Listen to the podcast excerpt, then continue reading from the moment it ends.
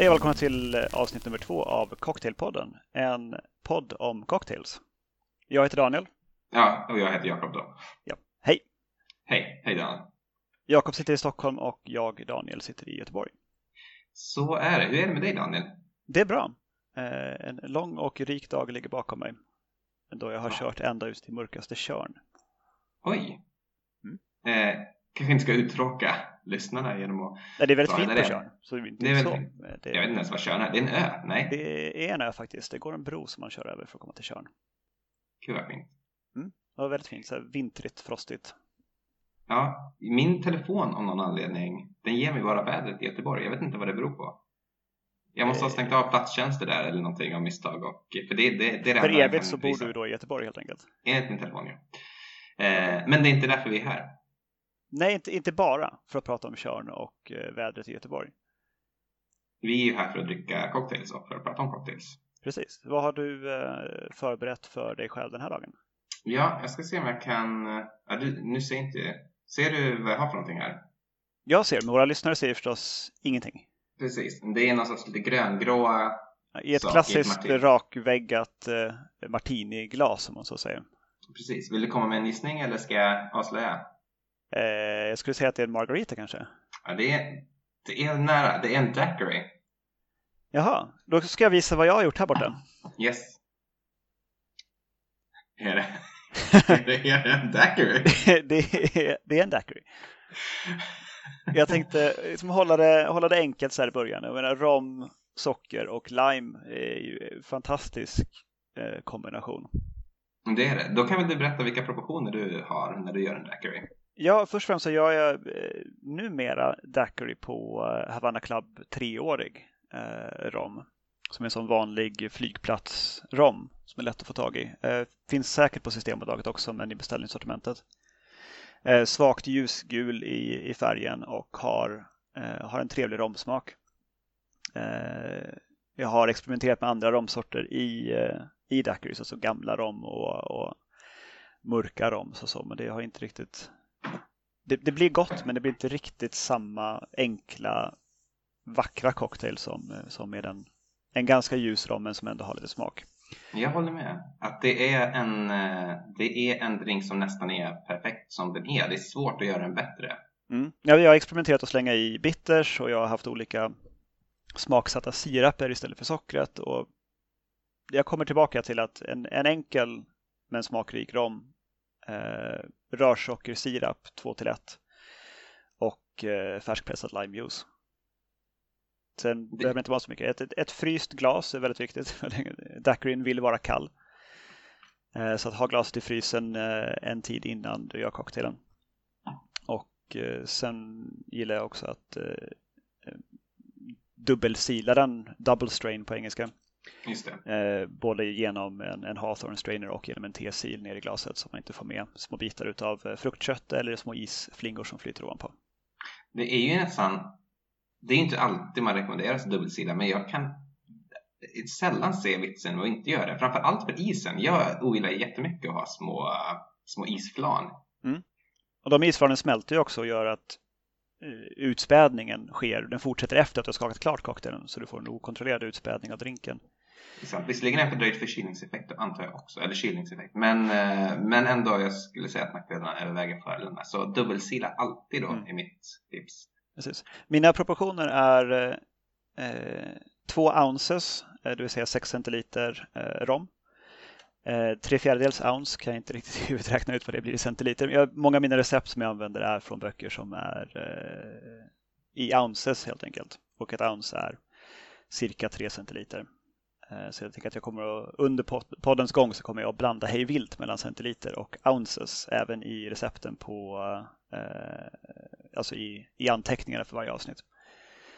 Eh, jag föreslår också att man i sin utrustning har ett, ett ounce-mått.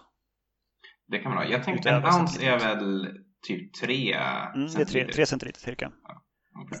Men i alla fall, så två ounces rom, eh, tre fjärdedels ounce limejuice och eh, ett halvt ounce eh, med två till ett eh, sockersirap gjord på råsocker.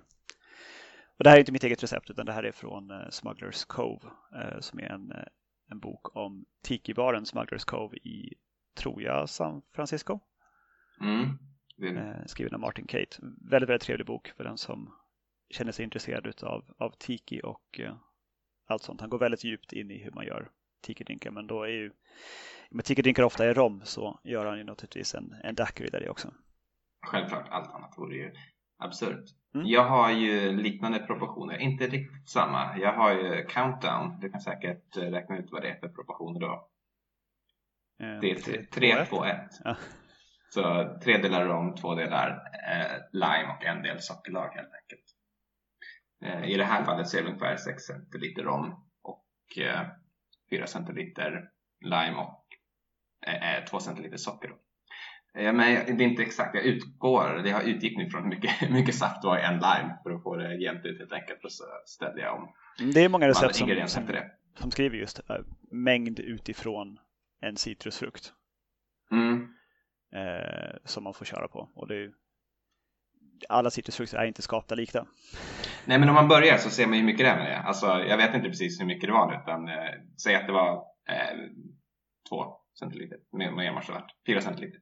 Mm. Så blir det 6 centiliter då, helt enkelt. Eh, att, att man pressar den först och sen så eh, ser man hur stor drinken blir. Men det blir ungefär samma ändå, det är inte väsensskilt. En, en lime är ju ungefär vad en lime är åtminstone i det här landet. Jag vet inte, i andra länder kanske de ser ut på andra sätt. I min affär brukar de vara ungefär likadana. Mm. Eh, det om det. Är det tänkte- 2 till 1 sockersirap i ditt fall också? Eller är det Ja, det är, ett allt, till ett? alltid, det är alltid två till ett. Jag, har, jag gör alltid det. Jag vet inte varför. Det har liksom blivit... Eh, Många recept nu är ju skrivna för 2 till 1. ja, det kanske är därför. Nästan Eh, allting i Diffords Guide är ju 2 till 1. Ja, just det. Det är nog det. Det är min go-to när jag ska göra någonting nytt. Eh, Vad hade du för rom i? det är också en flygplatsrom. Men det är en Bacardi ljusrom. Som tyvärr, den är inte så bra. Den är helt vanliga vita Bacardin alltså. Ja, Bacardi Oh. Superior. Ja, jag vet inte exakt. Nu står tyvärr etiketten vänd bort dit. Men den helt, den helt vanliga, den standard eh. Som jag, jag rekommenderar inte den, men vi, vi har den. Så därför använder jag den. Jo, det är klart. Alltså den, den, den bästa spriten man kan ha i sin cocktail är ju den man har hemma. Så är det. Så är det definitivt. Eh, Och apropå sprit man har hemma så tänkte jag idag att vi ska prata om någon sorts startkit typ. I Tjusigt översteg där. Ja, eh, nej, helt, helt improviserat.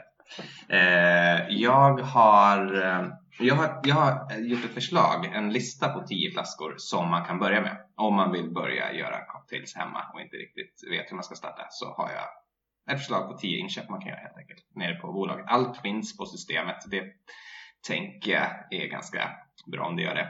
Och eh, ja, jag tänkte att jag Är de i och så- prioriteringsordning eller är de liksom... Nej, de, de inte, måste man skaffa alla tio?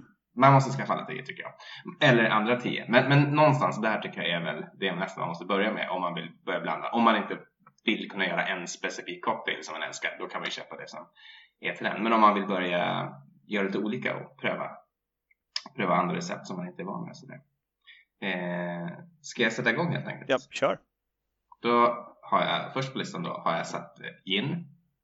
Och eh, jag tänkte liksom en, en, en neutral standardgin, liksom inget fancy, inget lagrat, eh, ingenting speciellt. Jag har, jag har satt på förslag Tanqueray, men det kan egentligen vara vad som helst. Man kan ha Bombay Sapphire eller någon annan av liksom, de generiska allmänt förekommande insorterna. Men, men Tanqueray har av någon anledning också blivit liksom min go-to billiga gin.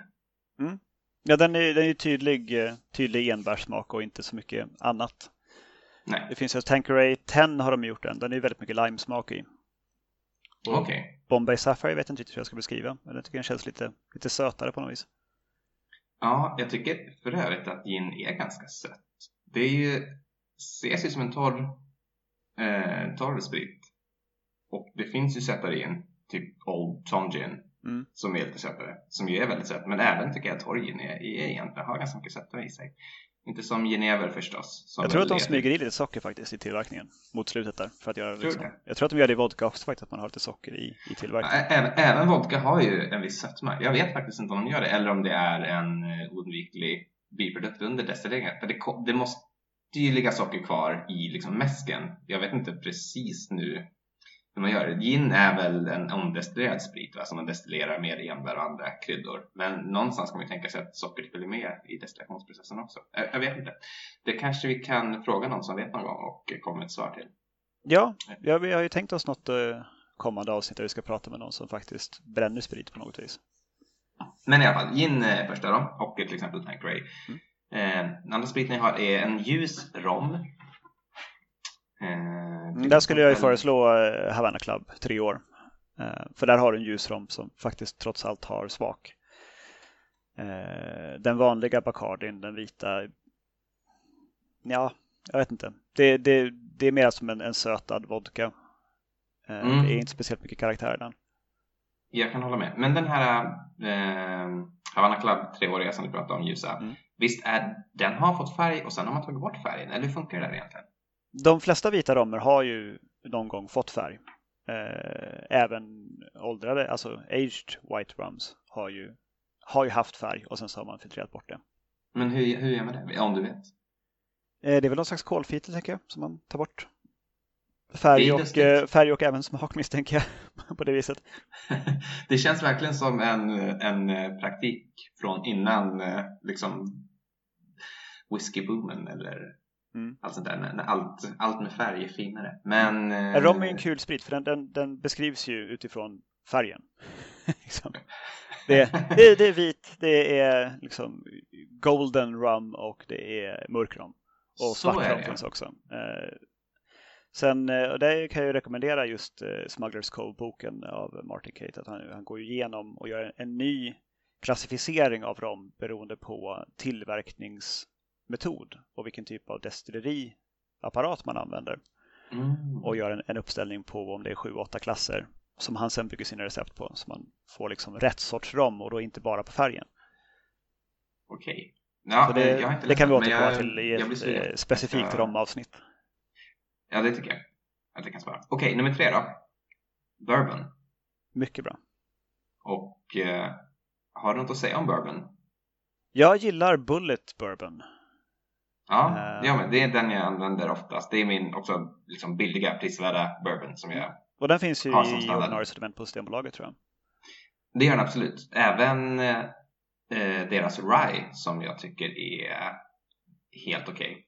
Okay. Eh, eller jag tycker den är, den är, den är bra det finns ju annan rye som är, är lite mintigare. Eller jag tycker ofta sådana, vad är det, råg, rågdrycker kan vara lite eh, mintiga. Och det är ju Bullets Rye också, men, men inte fullt så mycket som andra kan. Men jag tycker att det är en, också, också bra. Det, det är ett bra destilleri, mm. tycker jag. Hade du några recept eh, länkade till de här flaskorna också? Eller kör ja, dem på slutet? Jag, jag, jag, tänkte att jag kör dem på slutet, eh, när, när, vi har alla. Ja. För de kommer ju blanda bland olika. Kör på. Eh, och eh, nummer fyra då, en konjak eller en brandy. Mm. Och där eh, behöver man ju inte satsa på den allra äldsta sorten. Alltså, eh, vad heter de? Eh, VO tror jag de heter, då är den väl två år gammal. Det är väl och, very old va? Precis, och sen så VSOP, Very Special Old Pale, tror jag är över fyra eller fem år. Eh, det får någon uppmärksam lyssnare gärna rätta mig på.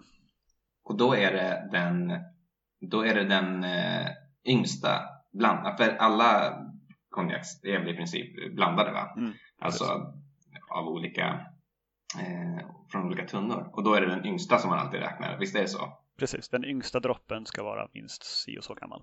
Just det. XO är ju ännu äldre. Eh, det är det, okej. Okay. Så det finns, det finns några sådana steg däremellan som inte är...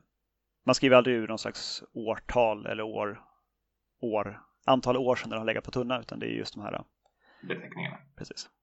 Så att eh, beror lite grann på vilken, vilken nivå vi lägger det på. Men en, en VSOP är ju trevligt att ha hemma. Men då blir man också lite mer försiktig när man använder den.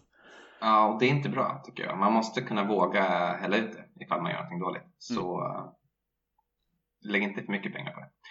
I, i början i alla fall tycker jag. Eh, Okej, okay. och där har jag slut på basspriter.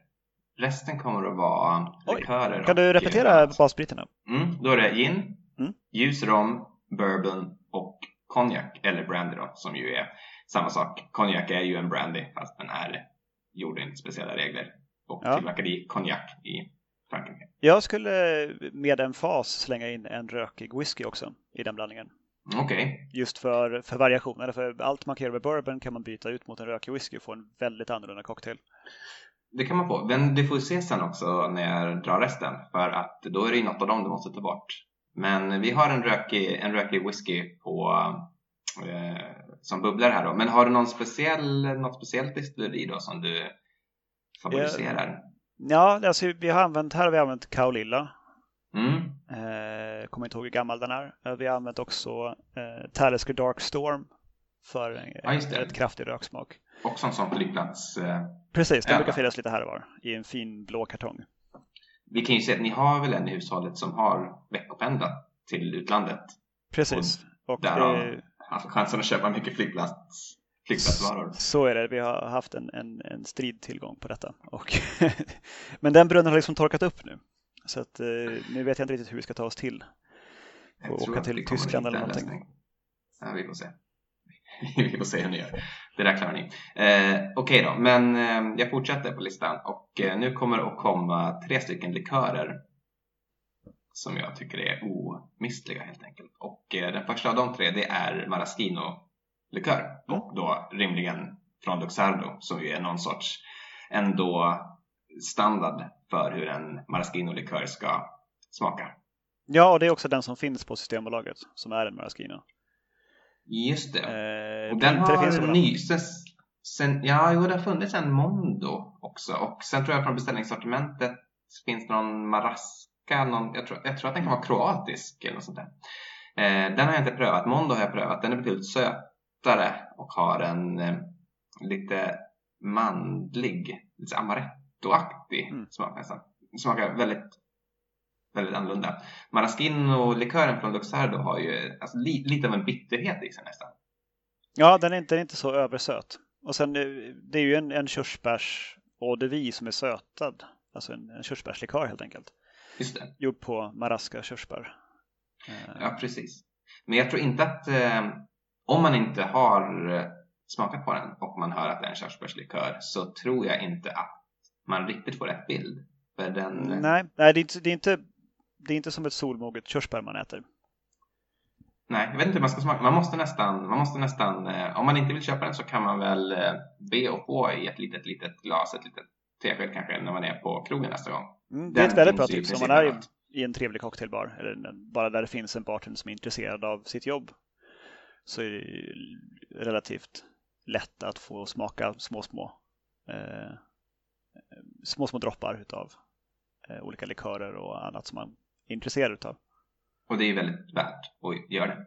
Skulle jag säga. Så det, det är också ett tips. Eh, det här är inte något ingrediens som man använder, eller som jag använder i alla fall i stora mängder i någonting. Vi använder det i små mängder i väldigt mycket. Jag tycker att det lyfter, det lyfter det mesta. Jag kommer att ha några exempel på eh, drinkar sen också med maraschino-likör. Så eh, kan vi prata om det då kanske.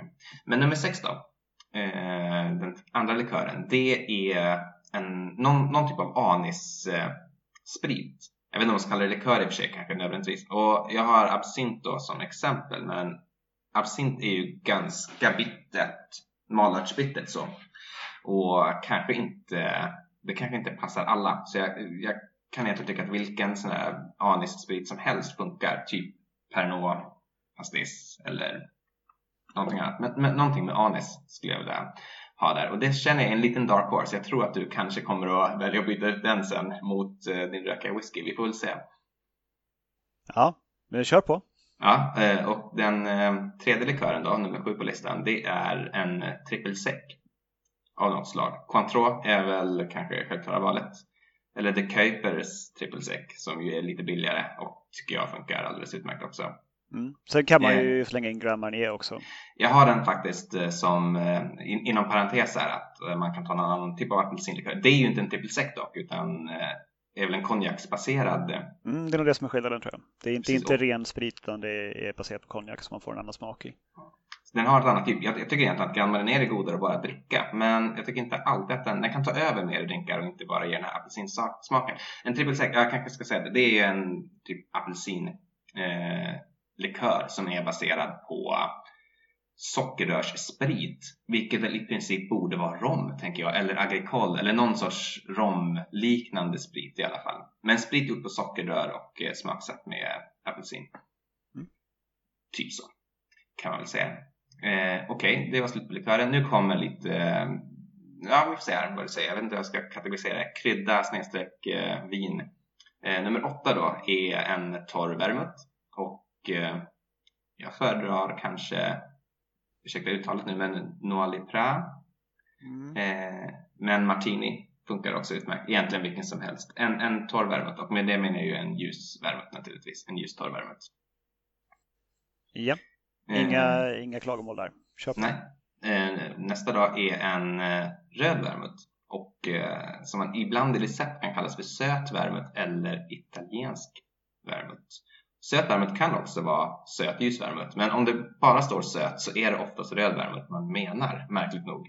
Eh, jag vet inte riktigt hur den här, var den här konventionen kommer ifrån, men det är min erfarenhet i alla fall. Ja, det är väldigt vanligt att man, man menar så. Eh, Okej, okay, och det sista då, nummer 10 på listan, är Angostura Bitters. Och eh, jag vet inte om man ska räkna det som en sprit eller inte, det är ju mer en, eh, det är en krydda kan man säga. Men den innehåller alkohol och kan bara köpas på systemet i Sverige åtminstone. Så jag tog ändå med den här. Mm. Eh, ska jag köra en snabb repris så får du kommentera om du vill byta ut eller, eh, eller eh, ja, bara kör. hylla Och då är det då från början till slut då. Gin, ljus rom, bourbon, konjak, maraschino-likör, någon typ av anissprit, trippelsec eller annan apelsinlikör. Eh, torr vermouth, röd vermouth och angostura bitters. Mm, jag tycker att det är, det är en, en, bra uppställning för någon som vill börja göra cocktails och också är intresserad av att göra lite, lite äldre recept. För där dyker ju ofta någon slags absintsprit upp. Mm. Och många eh, gamla klassiker, liksom, som, jag menar Sazerac är ju typexempel på det, där man sköljer glaset i absint innan man häller i själva drinken. Just det. Eh, en flaska absint kommer att räcka väldigt, väldigt länge. Och det finns det... på systemet nu också. Eh, ja, det gör det. det, gör det. Och på diverse flygplatser och andra taxfree liknande miljöer så finns det ju ofta absint. Jag har försökt tänka också att det ska vara sånt som går att få tag på på bolaget för att jag tänker att det är ändå go-to-affären för de flesta i det här landet. Mm, precis.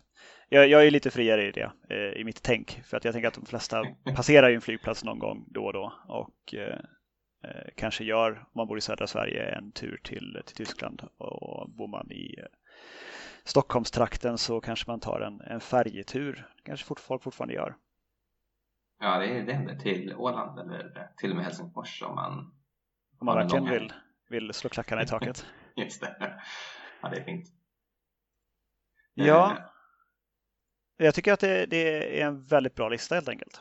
Och jag tror att med, alltså med de flaskorna så kommer man ju väldigt, väldigt långt. Mm. Eh, och sen så om man börjar med att göra cocktails hemma och tycker att det är kul och eh, kanske har en partner som också tycker att det är kul eller liksom vänner som kommer över så kommer ju den här listan ganska snart att börja sprida sig utåt i kanterna. Och man kanske skaffar flera olika sorter av varje spritsort, eh, skaffar, lägger till en, eh, en mörk ram, man lägger till den här rökiga whiskyn eh, och lite annat sånt så man får en större bredd. Om man hittar ett recept som man är intresserad av och så tänker man just det, fast jag har inte den här grejen. Och sen så, så kommer man att börja köpa det. Mm. Och det, Systembolagets beställningssortiment är väldigt, väldigt stort och det finns en hel del kul saker där. Det finns till och med en hel del olika bitters eh, som man kan beställa in och då kommer de till sitt lokala systembolag och så kan man hämta upp det där. Det finns många bitters, men märkligt nog inte den kanske näst mest klassiska av världens alla bitters, nämligen Peychaus. Mm, Peychaus finns inte. Men det finns något som heter Creole Bitters som vi tror kan vara samma. Ja, jag vet inte, om du har provat den. Eh, är den, mm. är den lik? Den är... Den, ja, den, den är bittrare. Den, den är lik, men den är inte... Det är ingen kopia, det är det inte. Okay, men jag tror justera mängderna lite grann. Ja. Men den är också röd i färgen. Ja, det, det är den. Och etiketten är väldigt, väldigt lik i liksom det grafiska, det grafiska uttrycket är väldigt likt Peugeots. En oblyg, eh, som gör det, va? tror jag. oblyg imitation. Ja, det kan man säga. Eh, Alright, ska jag dra lite cocktails som man kan göra med just de här flaskorna? Det så tycker jag absolut. Kan, kan, du få se då spännvidden också. Och jag har nu inte, jag tänkte så här att de här cocktailsarna som jag tar upp, det är klassiker allihopa. Jag tycker inte att det är någon vits att börja liksom hitta, vad ska man säga, jag tycker det är där man vill börja. Vill man börja bygga upp ett spritförråd så är det för att börja och dricka klassiker tänker jag. Och sen när man har börjat liksom gjort det ett tag, då kanske man är mer intresserad av att eh, börja hitta mer obskyra och kanske till och med bortglömda och cocktails som är värda att upptäcka genom att leta i gamla receptböcker. Eh, för övrigt finns många av dem på Google Books så där kan man söka efter, efter klassiska eh, receptböcker. Dock inte alltid i fullständig version men tillräckligt mycket för att hitta mycket spännande recept. Det var en liten bisats bara. Eh, okej, okay, nummer ett då av mina cocktails som jag tänkte tipsa om då som man kan göra med de här flaskorna det är det jag dricker idag, en daiquiri. Eh, som jag sagt tidigare så är det rom, lime och socker. Och jag brukar göra 3-2-1 proportioner, alltså tre, tre delar rom, två delar lime och en del socker. Och med socker så menar jag sockerlag eh, i proportioner att två delar socker är en del vatten. Det vill säga ett vanligt liksom, eh, tjockt sockerlag helt enkelt. Och eh, det finns väl lika många åsikter om vilka proportioner man ska ha i en backrace som det finns eh, drinkare. Men 2-3-1 är så himla himla enkelt. Man behöver liksom aldrig tänka eller slå upp det. Det, det är lätt att komma ihåg så därför brukar jag köra det. Och jag tycker det, det, det är inte dåligt. Det är en bra balans mellan sötman och syran. Eh, Okej, okay, vidare. Eh, en Old Fashioned som jag ju drack eh, när vi pratade svid senast. Och då är det då bourbon just och eh, bitters och socker.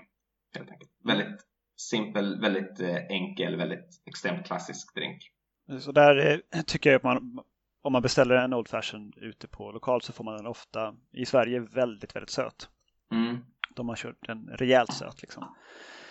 Um, det tycker jag är synd. För en, en halv tesked av sockersirap, alltså egentligen bara lite bottenskira, några droppar i botten på glaset. För Daiquirin skakar man ju i en, en cocktailshaker och sen mm. silar upp så att man tar bort all isen. Medan en, eh, en Old Fashion kan man antingen röra i ett, i ett rörglas med en sked eller med en ätpinne om man har, inte har en cocktail, alltså en, en barsked, en ganska lång som med vridet skaft. Eh, och sen silar man upp den i ett glas med, eh, med ny is. Eller så kan man bara göra den direkt i glaset man tänker servera i. Det är så jag brukar göra, för enkelhetens skull. Och jag tycker också att eh, om du rör om med den is du sen ska ha i, du får en ganska bra utspädning eh, naturligt. Man behöver inte tänka så mycket på proportionerna mellan vatten och eh, sprit tycker jag. Utan det, det, det, brukar falla sig till rätt bra. Mm. Eh, I alla fall om man har kylt glaset i förväg. Annars så kan ju glaset ta upp för mycket eh, kyla eller avge för mycket värme. Eller så.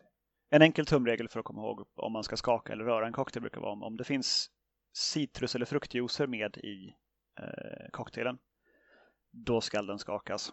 Är det klara sprit och likörsorter så är det stor chans att den ska röras. För då håller den sig eh, genomskinlig och, och blir inte grumlig och inte bubblig. Exakt. En skakad drink är ju egentligen alltid fulare, men eftersom citrus ändå gör drinken så ful så spelar det ingen roll, då kan man lika gärna skaka den. Det är väl typ så kan man säga. Kontroversiella åsikter kommer ut här nu. nu, nu händer det. Nu blir det rubriker. Okej, okay, vidare då. Eh, jag har också tagit upp aviation och då kanske du hajar till mm. här. Eh, hur kan jag ta upp en aviation när jag inte har någon crème de violette med på min lista? Det mm. är ju nämligen med eh, gin, maraschino, likör, citron och lite crème de violette som man brukar få en aviation om man beställer den på en bar idag. Eh, men så har det inte alltid varit har jag förstått av Ted Haight, också känd som Dr. Cocktail som ju släppte den banbrytande cocktailboken Vintage Spirit and Forgotten Cocktails. Precis, den som... boken som kanske startade lite grann hela den här mm, återkomsten av, av cocktails och cocktailnörderi.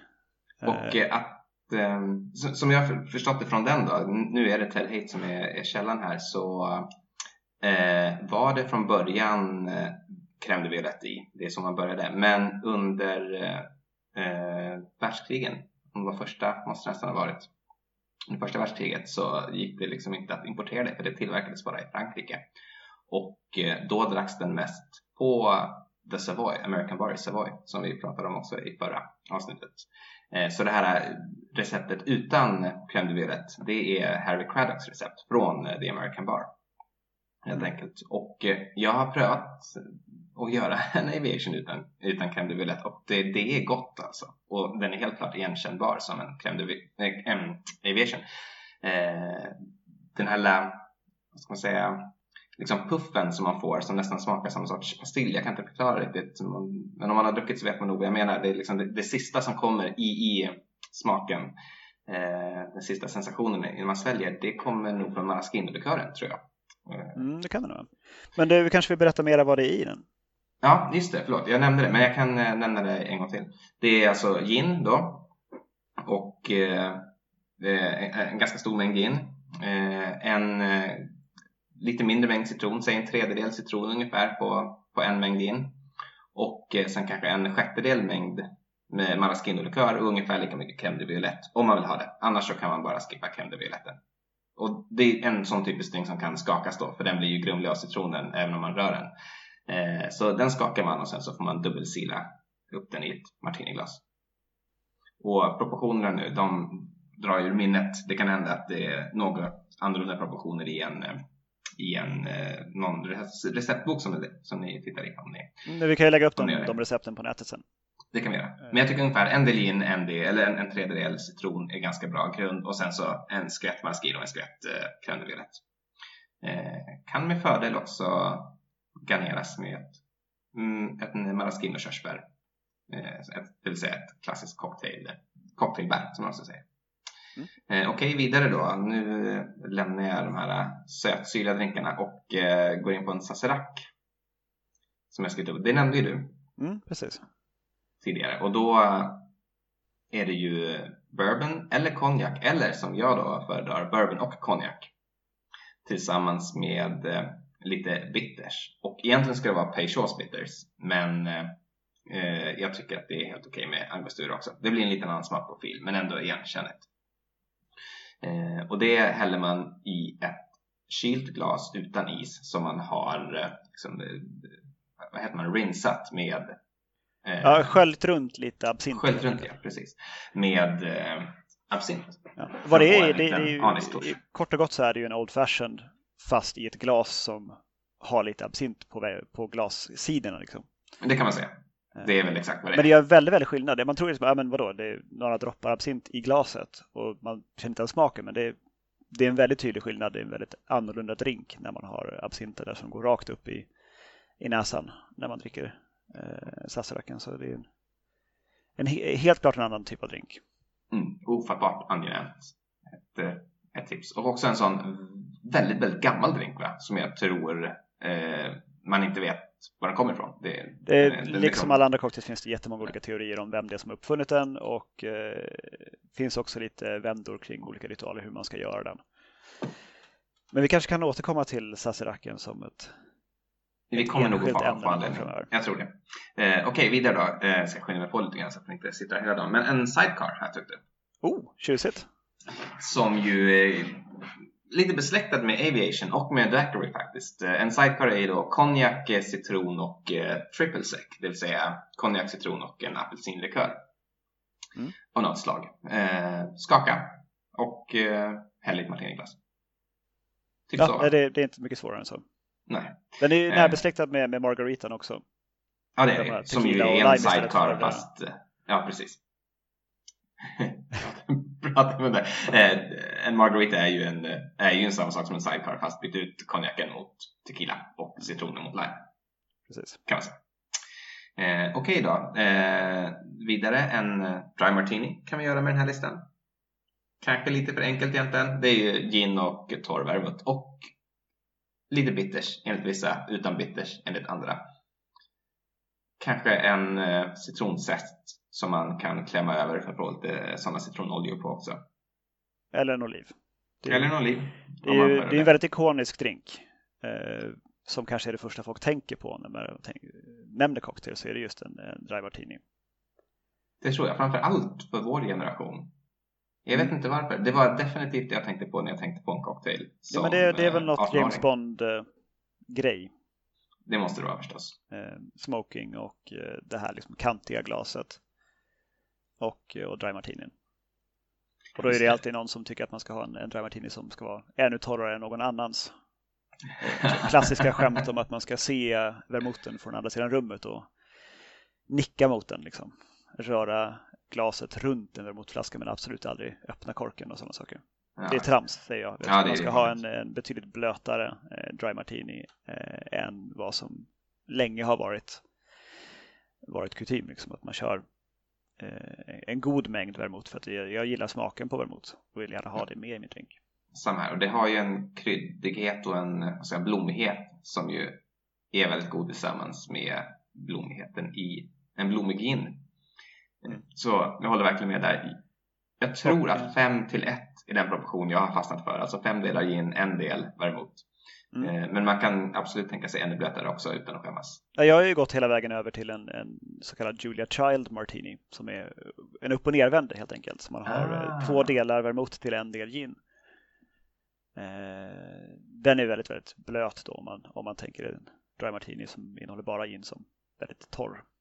Just det, och det är ju eh, en väldigt bra drink om man inte vill dricka så mycket alkohol men ändå mm. ha en festlig kväll. Precis, och det här, det här är ju en rörd cocktail eh, oavsett vad James Bond säger i filmerna. Just det. det. man skakar inte den här.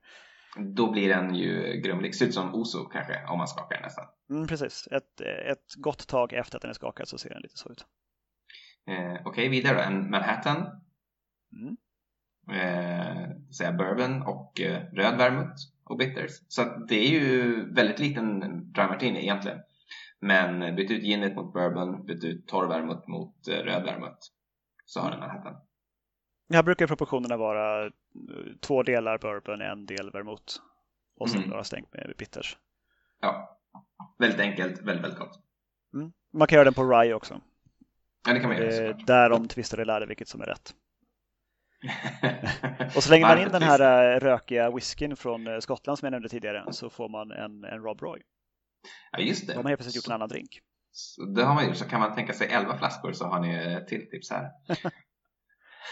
Precis, och så vidare för varje flaska vi lägger på sen.